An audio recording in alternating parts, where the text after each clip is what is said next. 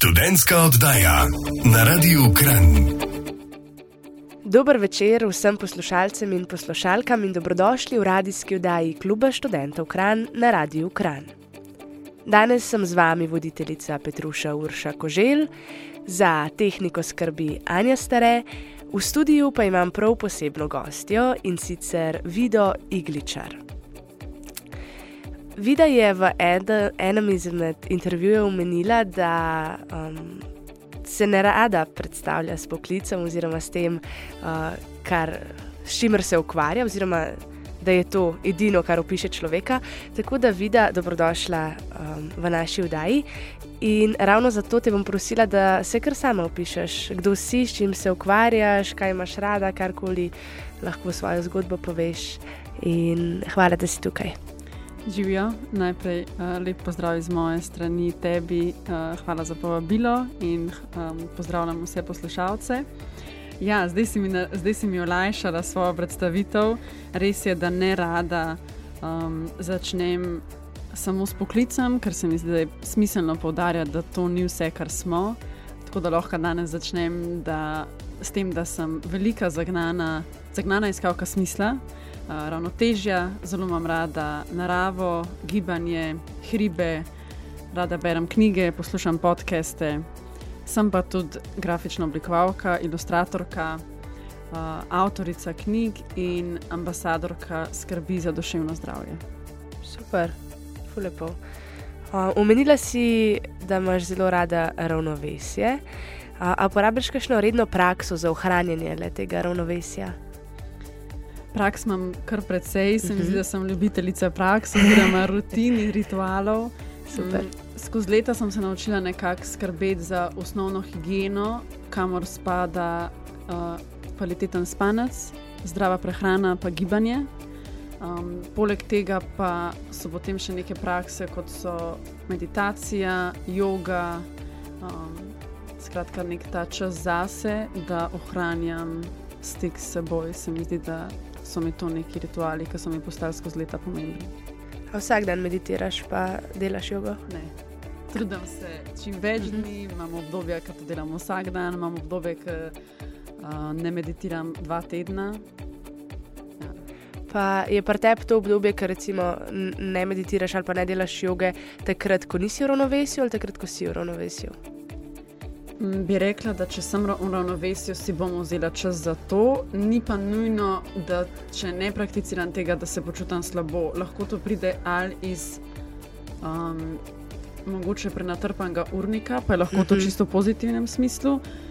Včasih je pa, um, se mi zdi, da Aljoša Bagola lepo reče, da si naprtamo številne opravke, da nimamo opravka s seboj in kad takrat pride iz tega, da ne grem meditirati, da je to razlog takrat se mi zdi, da, da to pa ni ok. Hmm, lepo. Ok, in kako pa misliš, da reagiraš, oziroma tvoje telo reagira, ko nisi v ravnovesju? Hmm, en pokazatelj se mi zdi, da je ta telesni nemir. Opazam to, ko grem recimo iz ene stvari na drugo, med opravki. Če samo hitim, takrat vidim, da sem lahko izven ravnovesja je to, se mi zdi, da nekaj subtilnega, če pa tega stresa ali pa neravnovesja več, se mi zdi pa, da se to zelo hitro pokaže na spancu. Ker nam zdaj zadnja leta zelo kvalitetnega, lahko že po enem dnevu, če je več stresa, bom opazila, da slabš spim ali da se več zbujam ali da težko zaspim zvečer in to me je en tak hiter pokazatelj, aha, ok. A sem mogoče malo bolj nemirna, a si lahko kak kako v dan unesem več stvari, ki me bodo nekako pomirile, pa da se bom ustavila, da ko pride večer, da sem takrat pomirjena sama s sabo in stvarmi, ki se mi dogajajo. Kdaj greš spat, pa kdaj se zbudiš? Idealno je spanje med 10 in 6. Uh, Plus minus zgodnja stopanja, ampak ja, jaz sem jutranji človek, uh -huh. sem od mhm. bila in če zgodaj vstanem. Se mi zdi, da se pa tako do devete že dobro počutim, da sem že nekaj naredila, zvečer pa nimam energije. Tako da zvečer Um, v idealnih primerih bom brala knjigo, ne bom na telefonu, ne bom pred televizijo ali pa z računalnikom. Študentska oddaja na Radiu Kran. Dober večer in dobrodošli nazaj v radijski oddaji Kluba študentov Kran. Danes vas tudi gostim Vido Igličar. Um, kako pa reagiraš, um, oziroma kako misliš, da bi bilo najbolje reagirati, um, ko presežeš ta limit v svojem organizmu, mogoče to nespečnost, izgorelost, ta limit stresa, anksioznosti? Kako misliš, oziroma si že odkrila, mislim, da ima vsak človek svoj recept, da si že ugotovila, kaj je najboljše pisano za tvoj organizem? Najprej se mi zdi ključno v takih trenutkih poskrbeti, da se količina stresorjev zmanjša.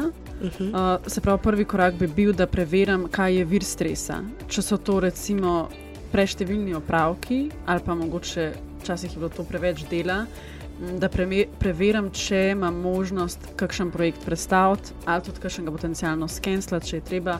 Um, mogoče pa si nekako bolj sprostiti urnik, da bi lahko lažje zadihala.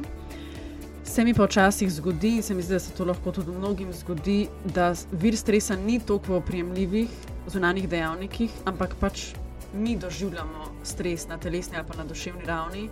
In takrat poskrbim, da si v danu nesem čim več aktivnosti, ki me pomirjajo, in da se res zavestno in aktivno osredotočam na sedanjost. Tesnoba se namreč rojeva v skrbi za prihodnost, se pravi, če bi mi z mislimi ostajali prisotni v sedanjosti, te tesnobe bi bilo mnogo manj, oziroma je ne bi bilo.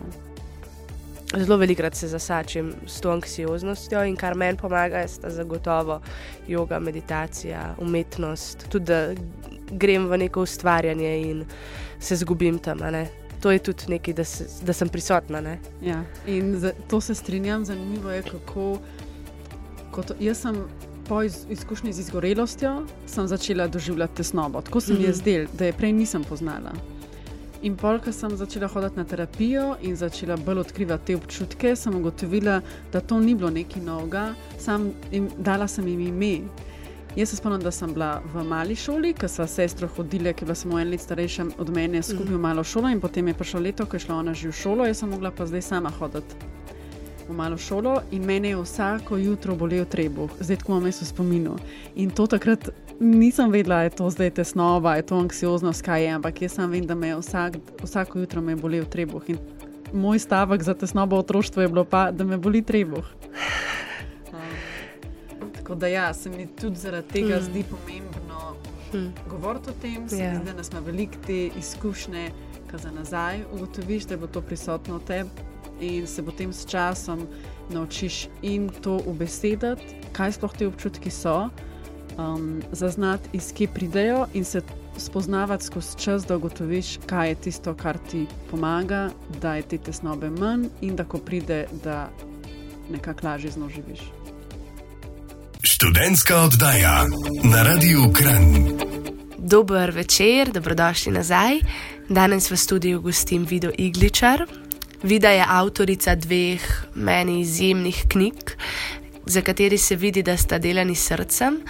In prva je spominska knjiga Naj ti povem svojo zgodbo, in druga Sto dni za boljšo mene. In če bi radi kaj več slišali v teh knjigah, kako sta nastali, njihovo zgodbo, ste na pravem mestu. In sem pa to knjigo jaz takrat že tekom ustvarjanja vedela, da jo želim posvetiti svojemu staremu Atu. In skozi ko sem ustvarjala, sem si govorila, da jo moram dokončati, dokler je on še živ. In potem je na eni točki on zbolel.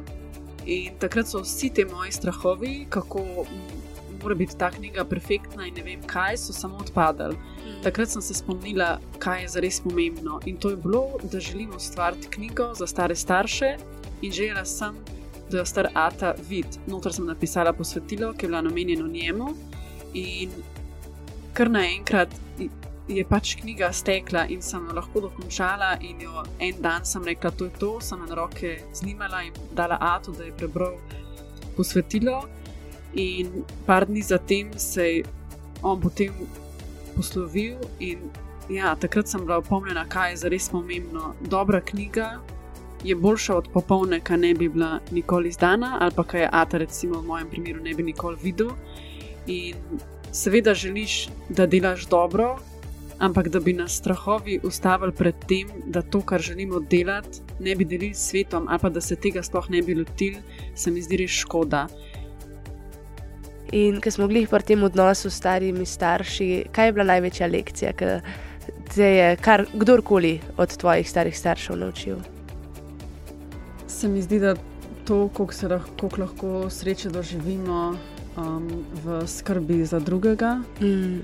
pa da si je pomembno vzeti čas in to velik časa za te neke vsakodnevne male stvari. Se mi zdi, da stari starši, glede na to, da so večino svojega življenja preživeli še v ne tako digitalni in hitri dobi, se mi zdi, da so lahko res lep zgled, kako živeti malo počasneje. Življenje se hitro spremenja, po drugi strani pa m, mm, se mi zdi, da knjiga nagovarja lih ta neka um, večna vprašanja. Se pravi, v knjigi so vprašanja na temo odraščanja, ljubezni, službe, prijateljstva, nekih vsakodnevnih navad. In se mi zdi, da če tudi stari starši živijo ali pa so živeli v drugih časih, se mi zdi, da neka univerzalna vprašanja v življenju ostajajo enaka. Kaj te osrečuje, kaj je tvoj razlog, zutri, da ostaneš, um, kakšne odnose si gradil, jih gradiš, kaj je tisto, kar um, ti je v življenju najbolj pomembno. Se mi zdi, da to je pa univerzalno, ne glede na letnico rojstva ali pa starost. Okay. Um, no, in potem, po tej knjigi, je pa prišla še tvoja druga knjiga, ki je naslov. Sto dni za boljšo mene. A jo lahko na kratko predstaviš? Ja. Mm, če se vrnem na začetku, še malo uh, nazaj, tudi omenila si ti, da to uh, minljivost. Uh mhm. -huh. Jaz, ki sem bila že v bistvu še v najstniških letih, uh, sem bila dvakrat soočena z nenadno izgubo bližnjega. In to je meni postilo eno tako veliko praznino, ki se je sicer takrat v srednješolskih in študentskih letih nisem tako zavedala. Um, ampak, pol, ko sem začela študirati, mi je nekako delo res začelo zapolnjevati to praznino. Um, v delu sem našla zadovoljstvo in potrditev, in to je bil nekako eden izmed vzvodov, da sem jaz potem že pri 26 letih izgorela, čeprav se mi je takrat zdelo, da pri teh letih ni te diagnoze. Um, in potem sem po daljši bolniški, sem si v iskanju boljšega, predvsem duševnega počutja, zadala 100-dnevni izziv, za katerega sem vsak dan naredila eno majhno dejanje. Ta projekt sem sprva objavljala na Instagramu, vsak dan sem v zapisu odgovorila na tri vprašanja in jih opremila z ilustracijo. In meni se je v teh stotih dneh življenje res takrat spremenilo na bolje. Uh, spoznala sem partnerja in z njim vzpostavila ljubeč odnos. Postila sem takratno službo v oglaševalski agenciji, začela in zaključila sem potem eno obdobje terapije, vzpostavila nazaj rutino teka, vikende sem začela preživljati v naravi, na mesto za računalnikom. Predvsem pa so neki ti mali koraki poskrbeli, da sem se začela na splošno res počutiti bolje. In takrat se mi je zdelo, da sem našla en recept, ki je za me deloval in sem ga želela deliti z drugimi. Številni pozitivni odzivi na Instagramu, predvsem, so me pa takrat spodbudili da je to neka tema, ki bi ljudi zanimala, da si želijo take vzpodbude. In sem takrat potem s tem projektom pristopila do mladinske knjige, rekla, da bi jaz naredila iz tega knjigo in priročnik. So bili za, so mi dodelili urednico. In mislim, da okrog eno leto kasneje je potem knjiga 100 dni za boljše mene išla. In tudi res v tej ideji, da knjiga torej združuje moje zapise in ilustracije, hkrati pa prazne strani za bralca, da se lahko sam poda na pot spremembe na bolje. Študentska oddaja na Radiu Kran. Dobrodošli nazaj, poslušate študentsko oddajo na Radiu Kran. Danes v studiu gostim Vido Igličar, s katero se pogovarjava o njeni karieri, o knjigah, ki jih je napisala, pa tudi o bolj globih tematikah, o tesnobi, o strahovih in o tem, kako se ona sooča z izzivi, ki prihajajo naproti. Se pravi, eno izmed vprašanj v knjigi je, uh, kako sem postala boljša danes, kako boljši človek na ta način. In zakaj, zakaj je to sploh tako pomembno? Zakaj se trudiš biti boljši človek, pa boljša verzija same sebe? Se mi zdi, da to je meni nekaj, kar mi je zelo zadovoljstvo. Um, več časa, kot mine od knjige Sto dni za boljšo mene, pa se mi zdi kar nekako smešno, koliko je to res naslov, za kar nekako piše moj, moj pristop k življenju. Um, se mi zdi, da to, da si dober človek in da v prvi vrsti gradiš dober, dober odnos do sebe in potem do drugih, da je to eno vseživljenjsko potovanje. In da če, če tudi se ti mogoče na neki točki zdi, da si zadovoljen, pač to ne pomeni, da boš tudi čez eno leto ali pa čez pet let. In meni je všeč ta pristop, ne vidim tega kot ne vem, neko sizifovo delo ali pa nesmiselno delo. Meni je smiselno um, se od dnevu pa ni treba zdaj to vsak dan, ampak pač, da se v različnih obdobjih vprašaš, kaj je tisto, kar deluje, kaj so tiste aktivnosti, ki me a, spodbujajo, ki mi omogočajo, da sem dobra do sebe in do drugih, in se pač sprejeti, da se spremenjamo in skozi to si dajati možnost, da se izboljšuješ in da rasteš. Iz kje pa sploh misliš, da izhaja ta želja, da bi rasel pri človeku ali pa da, da bi bil boljši? Ne vem, ali je to zdaj malo iz tega, ker so vse naše osnovne biološke uh, potrebe izpolnjene in imamo varnost in imamo hrano, uh mhm. -huh. in je potem to tista neka želja po samej izpolnitvi. Um, mogoče jaz bi rekel, da je predvsem želja po osebnem zadovoljstvu in potem, da živiš dobro in da se imaš dobro, zdaj pa karkoli to vsakemu posamezniku pomeni. Um se pravi, tvoja knjiga, um, druga tvoja knjiga, um, je sestavljena iz teh treh vprašanj. In jaz bi ti zdaj ta tri vprašanja zastavila, samo da jih bi zastavila glede na tvojo knjigo. In prvo je, kako je tvoja knjiga spremenila tvoje življenje na bolje?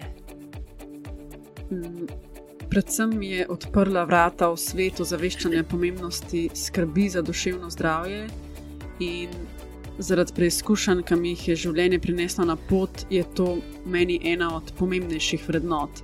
Ne jemljem več nekvalitetnega spanca, ne duševnega zdravja, ne jemljem za samoumevno. In mi je res ne, mi je ogromno pomen, da lahko skozi svoje delo odpiram te teme, da lahko govorim o tem, kako je to pomembno. Um, če se mogoče s tem še zmanjša stigma, se mi zdi čudovito. Še ena lepa stvar, ki je pa prišla po izidu knjige, so pa odzivi bralcev. Vedno mi je zelo lepo slišati od vsakega, ki mi napiše, da se je s pomočjo moje knjige spremenil življenje na bolje, ali pa da je ujel spomine starih staršev, ki so zdaj mogoče že pokojni. Imeti tak učinek s svojim delom mi je res, to je pač neprecenljiv občutek, lepo je. Največje poplačilo, ne? Ja. No, in ravno drugo vprašanje, oziroma si že odgovorila na nje, um, ali se zaradi te knjige kdo počuti bolje. In glede na to, da imaš take odzive bralcev, najverjetneje, da se ne. Jaz upam, da čim več njih, oziroma mi pa res pomeni, da vsak posameznik, um, če se ga je knjiga dotaknila in je zbral pogum, da je šel v smeri na bolje. A ti je ta knjiga prinesla kakšno novo spoznanje? V knjigi sem zapisala in spomnim se uh, trenutka, ko je nekako prišlo to spoznanje, ko sem jo ustvarjala, da lahko po padcu se vrnemo ne samo močnejši, ampak predvsem sočutnejši do sebe. To mi je bilo nekako po izgorelosti, uh, ki je bilo neko težko obdobje. Um, nekako si nisem predstavljala, da se mi bo to zgodilo, da se mi bo porušil ta sistem vrednot. Prej sem pač veliko vlagala v delo, mi je to ful pomenilo in potem ti telo reče stop in si brez, ostaneš brez nečesa, kar ti je pač prej ogromno pomenilo in si res vlagal v to. Um, in ta lekcija je, je prišla nekako iz tega, da ni treba samo, da padeš, pa se pobereš, pa da si polsko zmočnejši, ampak se res lahko učiš, kakšen biti do sebe, ko si mogoče na tem dnu, da si lahko sočutnejši in da si vzameš čas. Študentska oddaja na Radiu Kran. Dober večer in dobrodošli nazaj v radijski oddaji Kluba študentov Kran. Danes vas tudi gostim Vido Igličar. Študirala si v tujini, kot si že omenila, kaj ti je dala tujina? Se mi zdi, da najbolj mi je dala odprtosti, tako v osebnem kot v poslovnem smislu. V osebnem, predvsem uh, odprtosti do različnih ljudi, do različnih kultur in navad. Uh, jaz sem živela takrat v Lestru, to je, mislim, da nekako imajo tam drugo največje praznovanje tega indijskega praznika Diwali izven Indije.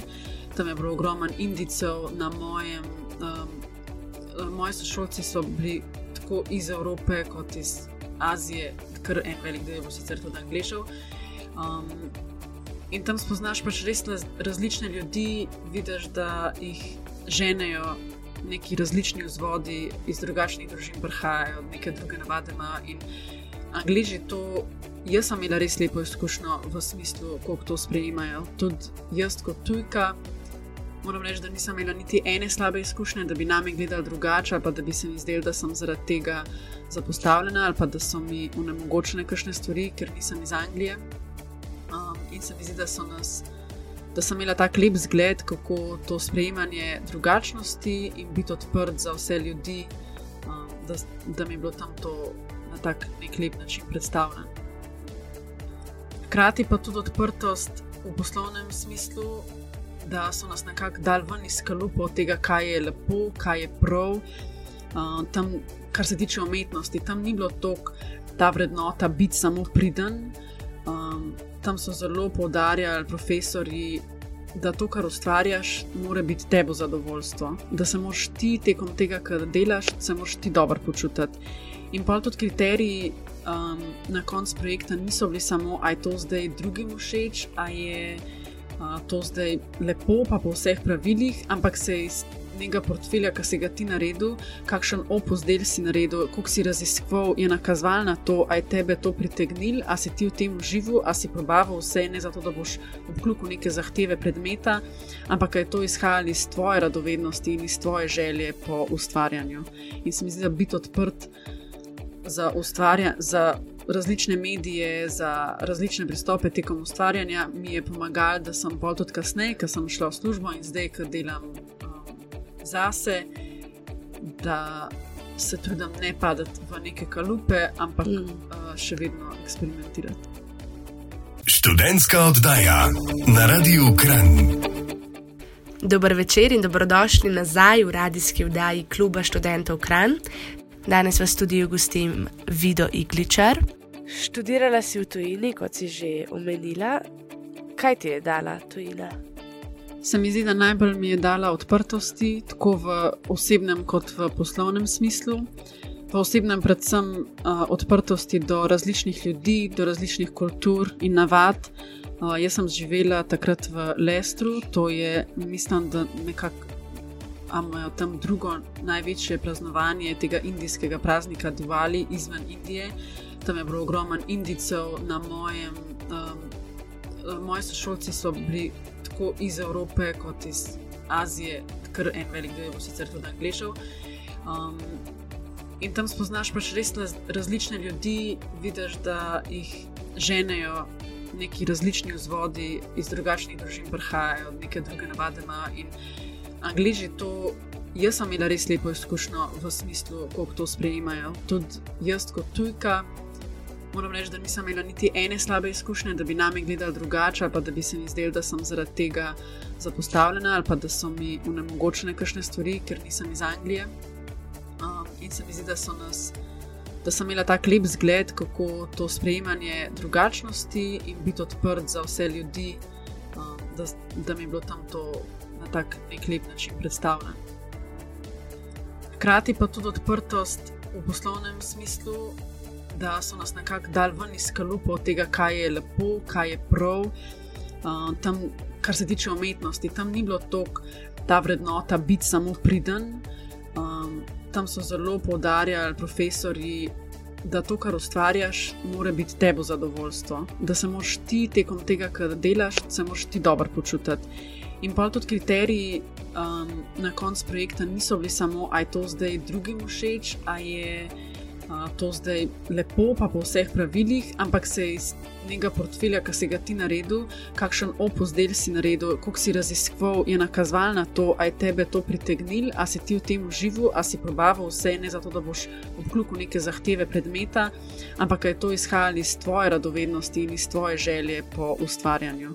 In se mi zdi, da biti odprt za ustvarjanje različne medije, za različne pristope tekom ustvarjanja, mi je pomagalo, da sem bolj tudi kasneje, ker sem šla v službo in zdaj, ker delam um, zase, da se trudim ne padati v neke kalupe, ampak mm. uh, še vedno eksperimentirati.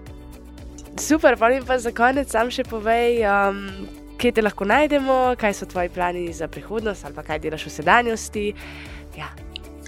Najdete me lahko na Instagramu pod imenom Vida Iglicar. Um, moje projekte na spletni strani www.videoiglicar.com, knjige, o katerih smo govorili, se pravi um, spominski album za stare starše, izšel pri založbi Grafenauer. Knjiga 100 dni za boljšo mene pri mladinski knjigi, sta pa obe na voljo tako na njihovih spletnih straneh, kot v vseh knjigarnah mladinske knjige in da za vse jih. Um, glede uh, kaj ustvarjam zdaj, je nova knjiga na temo premagovanja strahov. Hmm. Glede prihodnosti, pa um, eno prijemljiv plan je izdati to knjigo. Sicer pa, ker so zdaj veliko govorili o tesnobi in kako se to rojeva v pretirani osredotočenosti na prihodnost, si želim, da bom ostajala prisotna v sedanjosti. Kako lepo. Ej, res, res, res ti hvala za ta pogovor. Jaz res cenim pri tebi, da um, iz svojih tegob ali pa iz svojih izzivov v bistvu delaš umetnost. To se mi zdi najlepša stvar, pa tudi moj um, vem, poslanstvo v življenju. In hvala za vse stvari, ki si jih danes delila z nami.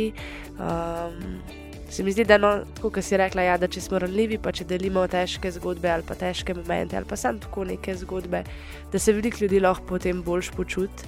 Um, ni sploh treba dajati nobenih nasvetov, tako imamo največje učitelje v sebi, ampak samo da delimo to. No. In ja, ful, ful, ful ti hvala. Želim ti vse srečno naprej, lepo, da leti tvoj metulček in um, še se še, še, še, še kaj srečamo. Hvala tebi za povabilo za vse vprašanja mi je bilo v izziv in veselje spregovoriti o temah, ki se mi zdijo lepe in pomembne. Mm. In tudi jaz ti želim tebi in poslušalcem vse dobro. Poslušate študentsko oddajo na Radiu Kran, sedaj pa svinčnik ali tablico v roke. Saj si tole, kar boste slišali zdaj, velja zapisati vse koledarje in opomnike tega sveta. Dober večer in dobrodošli nazaj v radijski vdaji Kluba študentov Kran, sledi še klasičen študentski napovednik. Glede na to, da je zima in vsi vemo, da so smočarske karte izjemno drage, imam zate super novico. Na infotočki KŠK-ja lahko dobiš karte s popustom, kar se kar splača. Tako da vsi na infotočko. Poleg tega pa vsako sredo poteka brezplačna rekreacija, odbojka in badminton, katere si tudi vabljen, da se udeležiš. KŠT ti, ti nudi tudi brezplačno pravno pomoč in še marsi, marsikaj, kar si lahko prebereš na spletni strani KŠK-ja. In seveda, še več o naših dogodkih najdete na spletni strani Kluba študentov Kran, prisluhnete pa nam lahko kjerkoli in kadarkoli v vaši najljubši aplikaciji za podcaste. Z vami sva bili tonska škratinja Anja Stare in voditeljica Petruša Urša Kožel. Hvala lepa, da ste preživeli še en sredin večer z nami in hvala lepa tudi gosti, vidi Igličar. Mislim, da smo imeli res tak pristen in iskren pogovor. In najlepša hvala vam, da ste prisluhnili. Želim vam prelep večer in prelep preostanek tedna, se slišimo prihodnjič. Poslušali ste študentsko oddajo Radia Kran. Vaše predloge in komentarje z veseljem sprejema urednik Laurence HB na elektronski naslov laurence.hb.afna.ksk.si. Še smo tu, vaš klub študentov Kran.